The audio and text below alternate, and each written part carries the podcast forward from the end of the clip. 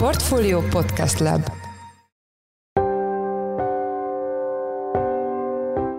Mindenkit üdvözlünk, ez a Checklist, a Portfolio munkanapokon megjelenő podcastje augusztus 17-én szerdán. A műsor első részében a ma publikált második negyedéves hazai GDP adatról lesz szó, ami pozitív meglepetést okozott a közgazdászok várakozásaihoz képest. A szakértők előzetesen 6,1%-os gazdasági növekedésre számítottak a második negyedévre vonatkozóan, ehhez képest 6,5%-kal bővült a magyar gazdaság az előző év azonos időszakához viszonyítva, tehát pozitív meglepetés érkezett. Az előző negyedévhez képest pedig 1,1%-os volt a gazdasági növekedés. A gazdasági növekedéssel kapcsolatban Hornyák Józsefet, a portfólió makroelemzőjét kérdeztük. Az adás második részében a hazai kiskereskedelmi láncok 2021-es jelentéseivel foglalkozunk. A műsorból az is kiderül, hogyan alakult a ranglista az Aldi, a Lidl, a Tesco és a többi kiskereskedelmi üzlet között,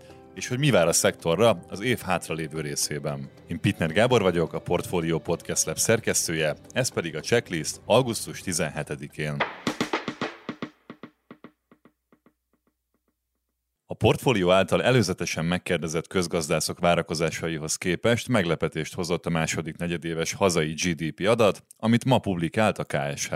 Arról, hogy a magyar gazdaság hogyan teljesített az első negyedévhez képest, és hogy milyen kockázatok állnak előttünk az év hátralévő részében, Hornyák Józsefet, a portfólió makroelemzőjét kérdezzük, aki itt van velünk telefonon. Szia Joci, üdvözöllek a checklistben. Szia, üdvözlöm a kedves hallgatókat. Mi volt a portfólió előzetes felmérésének eredménye a második negyedéves GDP-ről, és ehhez képest milyen adatokat publikált ma a KSH? A szakértők előzetesen 6,1%-os gazdasági növekedésre számítottak a második negyedévre vonatkozóan. Ehhez képest 6,5%-kal bővült a magyar gazdaság az előző év azonos időszakához viszonyítva, tehát pozitív meglepetés érkezett. Az előző negyedévhez képest pedig 1,1%-os volt a gazdasági növekedés, tehát az év első három hónapjához viszonyítva. Ez is kedvező teljesítményről árulkodik, és azt mutatja, hogy a második negyedévben kifejezetten nagy erő volt a magyar gazdaságban. Minek köszönhető ez a, ez a növekedés? Mely nemzetgazdaságiak járultak hozzá, és melyek fékezték a gazdaságnak az ütemét? Gyakorlatilag szinte az összes ágazat segítette a gazdaságnak a növekedését. Nagyon erőteljes hozzájárulás a lakossági fogyasztás volt. Ez nem meglepő, hiszen a háztartásoknak, a dolgozóknak a jövedelme, a bére jelentős mértékben növekedett az év elején, és akkor még az infláció sem volt annyira magas, mint most tehát azt mondhatjuk, hogy a reálbérek érdemben növekedtek. Mindehez még hozzájött az is, hogy a választások előtt a kormányzat SZIA visszatérítést adott a gyermekes háztartásoknak, illetve a 13. havi nyugdíjat is folyósították, ez is megdobta a fogyasztást, és hozzájárult a GDP növekedéshez. Mindezek mellett az ipari termelés és az építőipar is kedvezően alakult. Az egyetlen visszahúzó tényező a mezőgazdaság volt. Az elmúlt hónapokban azért érkeztek már hírek arról, hogy a nagyon aszályos időjárás igencsak rossz hatással van a mezőgazdaságra Magyarországon, a termés szempontjából is kedvezőtlen hírek érkeztek. Ez megmutatkozik most a GDP adatokban is. Hát ez volt az egyetlen nemzetgazdasági ág, ami a második negyed évben visszahúzta a, a gazdaságot. Mik a várakozások a jövőre nézve? Milyen tényezők alakítják majd a növekedés ütemét? A harmadik és a negyedik negyed évben már kedvezőtlenebb, sokkal gyengébb GDP számok érkezhetnek majd Magyarországról. Az egyszeri hatások, egyszeri tételek azok kifutnak, a lakosság nagy részt elköltötte az adóvisszatérítést, illetve a 13. havi nyugdíjat is. Mindeközben az infláció már kifejezetten magas, jár több mint 13 százalékos, de a következő hónapokban 15-17 százalékos infláció is érkezhet, az év vége felé pedig megközelítheti a 20 százalékot is a pénzromlásnak az üteme. Ez biztos, hogy vissza fogja vetni jelentősen a háztartásoknak a reáljövedelmét, a fogyasztást is vissza fogja húzni. Ebből a szempontból nem számíthatunk sok jóra a lakosság költekezései szempontjából. Megemelkedik az áram és a gázár, ami szintén negatív tényező, és a nagyon magassá váló kamatok hatására, a hitelezés megállására és a piaci alapú hitelezés megállására lehet számítani. Mindeközben az európai gázválság is ott lebeg az országok felett. A nagy kérdés az az, hogy lesz-e elegendő gáz csak nagyon magas áron, vagy nem is lesz elegendő. Hogyha az utóbbi valósul meg, akkor az a magyar gazdaság szempontjából is egy mélyebb recessziót idézhet elő. De összességében akárhogy is alakul, a legjobb eset is az, hogy a magyar gazdaságnak a növekedése az rendkívüli mértékben lelassul és megáll, a negatív forgatókönyvek megvalósulása esetén pedig gazdasági recesszió vár ránk. Honnan beszélhetünk gazdasági recesszióról? Van erre valamilyen törvényszerű számadat, ahonnan már ez egyértelmű? Hogyha kettő egymást követő negyedévben is visszaesne a magyar gazdaság, akkor beszélhetünk recesszióról. Egyenlőre az elmúlt időszaknak az adatai azért azt mutatják, hogy ilyen nem történt. Ugye a legfrissebb adat is negyedéves alapon 1,1%-os gazdasági növekedést mutatott a második negyedévre vonatkozóan. Hogyha elfogy a gazdaságnak a lendülete, és már mondjuk a harmadik negyedévben mínuszba kerülne a negyedéves adat, még akkor sem beszélhetnénk recesszióról, akkor alakulhatnak ki, hogyha a negyedik negyedévben is szintén visszaesne a GDP. Egyre több olyan elemző van, aki azzal kalkulál egyébként, hogy negyedéves alapon már visszaesések lesznek jellemzőek a harmadik és a negyedik negyedévben egyaránt, de a legtöbb előrejelzés még azért azt mutatja, hogy ez nem lesz egy nagyon jelentős mértékű, egy drasztikus recesszió, hanem inkább csak technikai alapú recesszió lehet, amiből ki is lábalhatunk majd ezt követően. Azonban senki nem tudja még megmondani a legnagyobb kérdést, hogy milyen telünk lesz, mennyire lesz hideg a tél, ugyanis ez most nagyon fontos tényező a gázfogyasztás szempontjából, hogy kell-e majd korlátozni Európában az ipari és szolgáltató létesítményeket, a termelést. Ez fogja eldönteni gyakorlatilag azt, hogy az európai gazdaságok köztük Magyarország is recesszióba csúszik-e. Hogy tudjuk elkerülni a recessziót? Milyen lehetőségek vannak előttünk, amivel mérsékelni tudjuk ennek a kockázatát? Gyakorlatilag kettő lehetőség lenne erre. Az egyik lehetőség, amit a közgazdászok klasszikusan szoktak javasolni, hogy a költségvetés élénkítse a gazdaságot és segítse talpra állítani. Na most Magyarországon erről nem beszélhetünk, hiszen az elmúlt évben és az idei év elején nagyon jelentős mértékű költekezéseket hajtott végre a költségvetés, gondoljunk csak akár az SZIA visszatérítésre, az egyszeri juttatásokra, tehát a költségvetésnek nincsen mozgástere arra, hogy segítse a gazdaságnak a növekedését, sőt, ezer milliárdos nagyságrendű költségvetési kiigazításokat kell végrehajtani ezekben a hónapokban, ami szintén visszafogja majd a gazdaságnak a teljesítményét.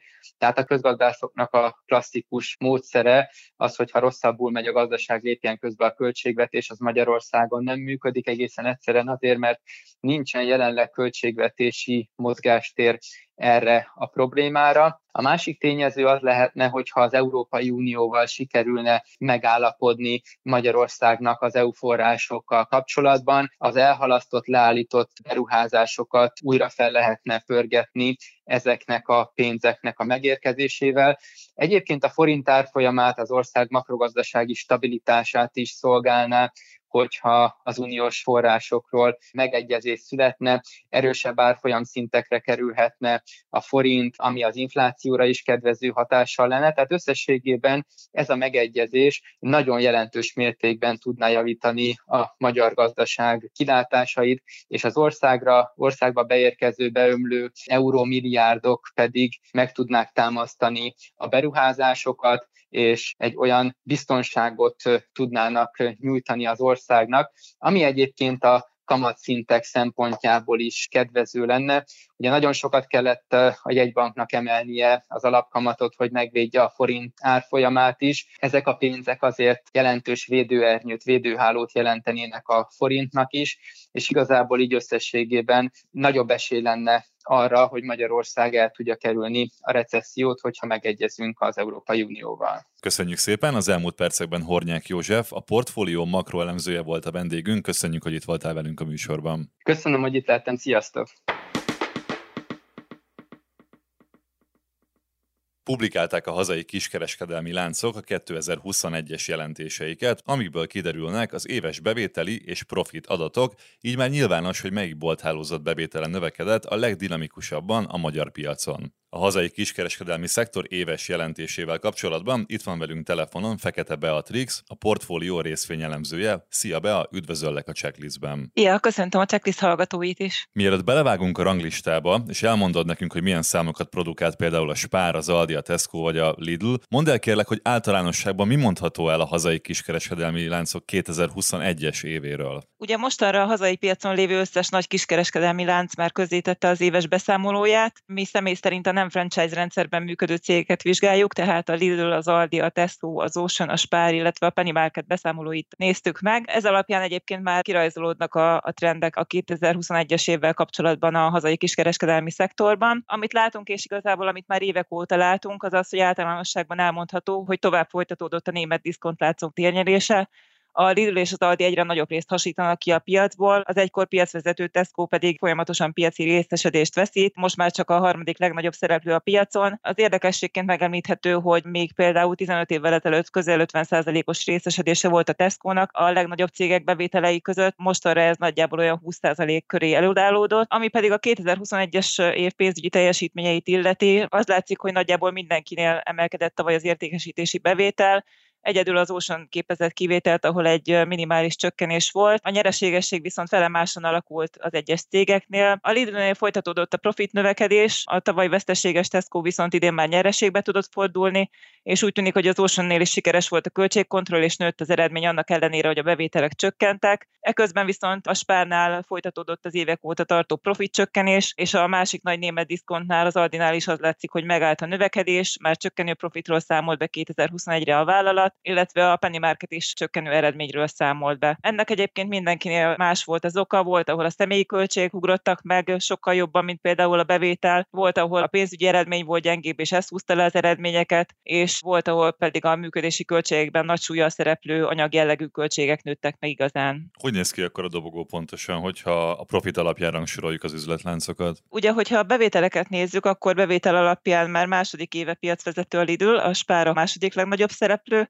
a Tesco pedig a dobó harmadik fokánál. Profit alapján már sokkal jobban változik a kép évről évre, számviteli tényezők, illetve egyszeri tételek miatt amelyek ugye sokkal inkább bezavarhatnak, mint a bevételeknél, de itt az látszik, hogy a Lidl továbbra is tartja a vezető helyét, és magasan kiemelkedik. Hogy a nagyságrendeket érzékeltessem, a Lidlnek például 33 milliárd forintos profitja volt a 2021-es évben, a második legnagyobb szereplő ezúttal a Tesco volt, aki jóval kevesebb, mint fele annyi profitot termelt, mint a Lidl, 13 milliárdos nyereséggel zárta az évet. A harmadik pedig a másik nagy német diszkontlánc, az Aldi volt, ő közel 8,5 milliárd forintos profittal zárta a 2021-et. A 2020-as eredményekhez képest melyik kiskereskedelmi lánc bevétel ugrott meg leginkább, és kinek estek vissza a számai leginkább? Az látszik, hogy a növekedésben is a német diszkontok álltak az élen 2021-ben. A bevétel növekedési ranglistát a Lidl vezeti, nála közel 12%-kal nőtt az értékesítési bevétel 2020-hoz képest. A második helyen az Aldi állt 8%-os dinamikával, illetve jól szerepelt tavaly a Tesco is,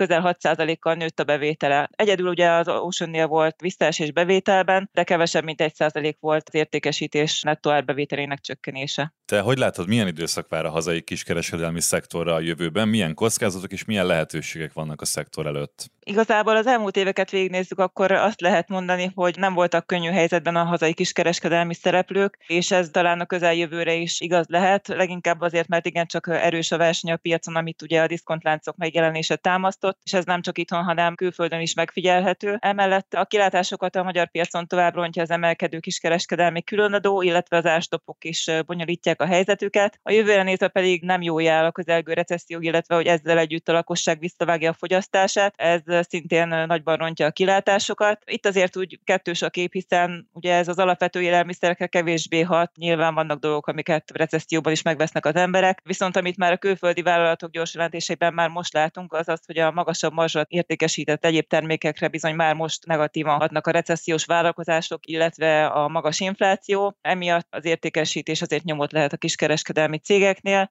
illetve ami még nagyon bánthatja ezeket a vállalatokat, hogy költségemelkedéssel is számolni kell. Emelkednek az energiaárak, emelkednek a szállítmányozási költségek, és a nyersanyagárak is nőnek, ami mind-mind negatívan hat a működési költségekre. Köszönjük szépen! Az elmúlt percekben Fekete Beatrix, a portfólió részvényelemzője volt a checklist vendége. Köszönjük, hogy itt voltál velünk a műsorban. Köszönöm a kérdéseket, sziasztok!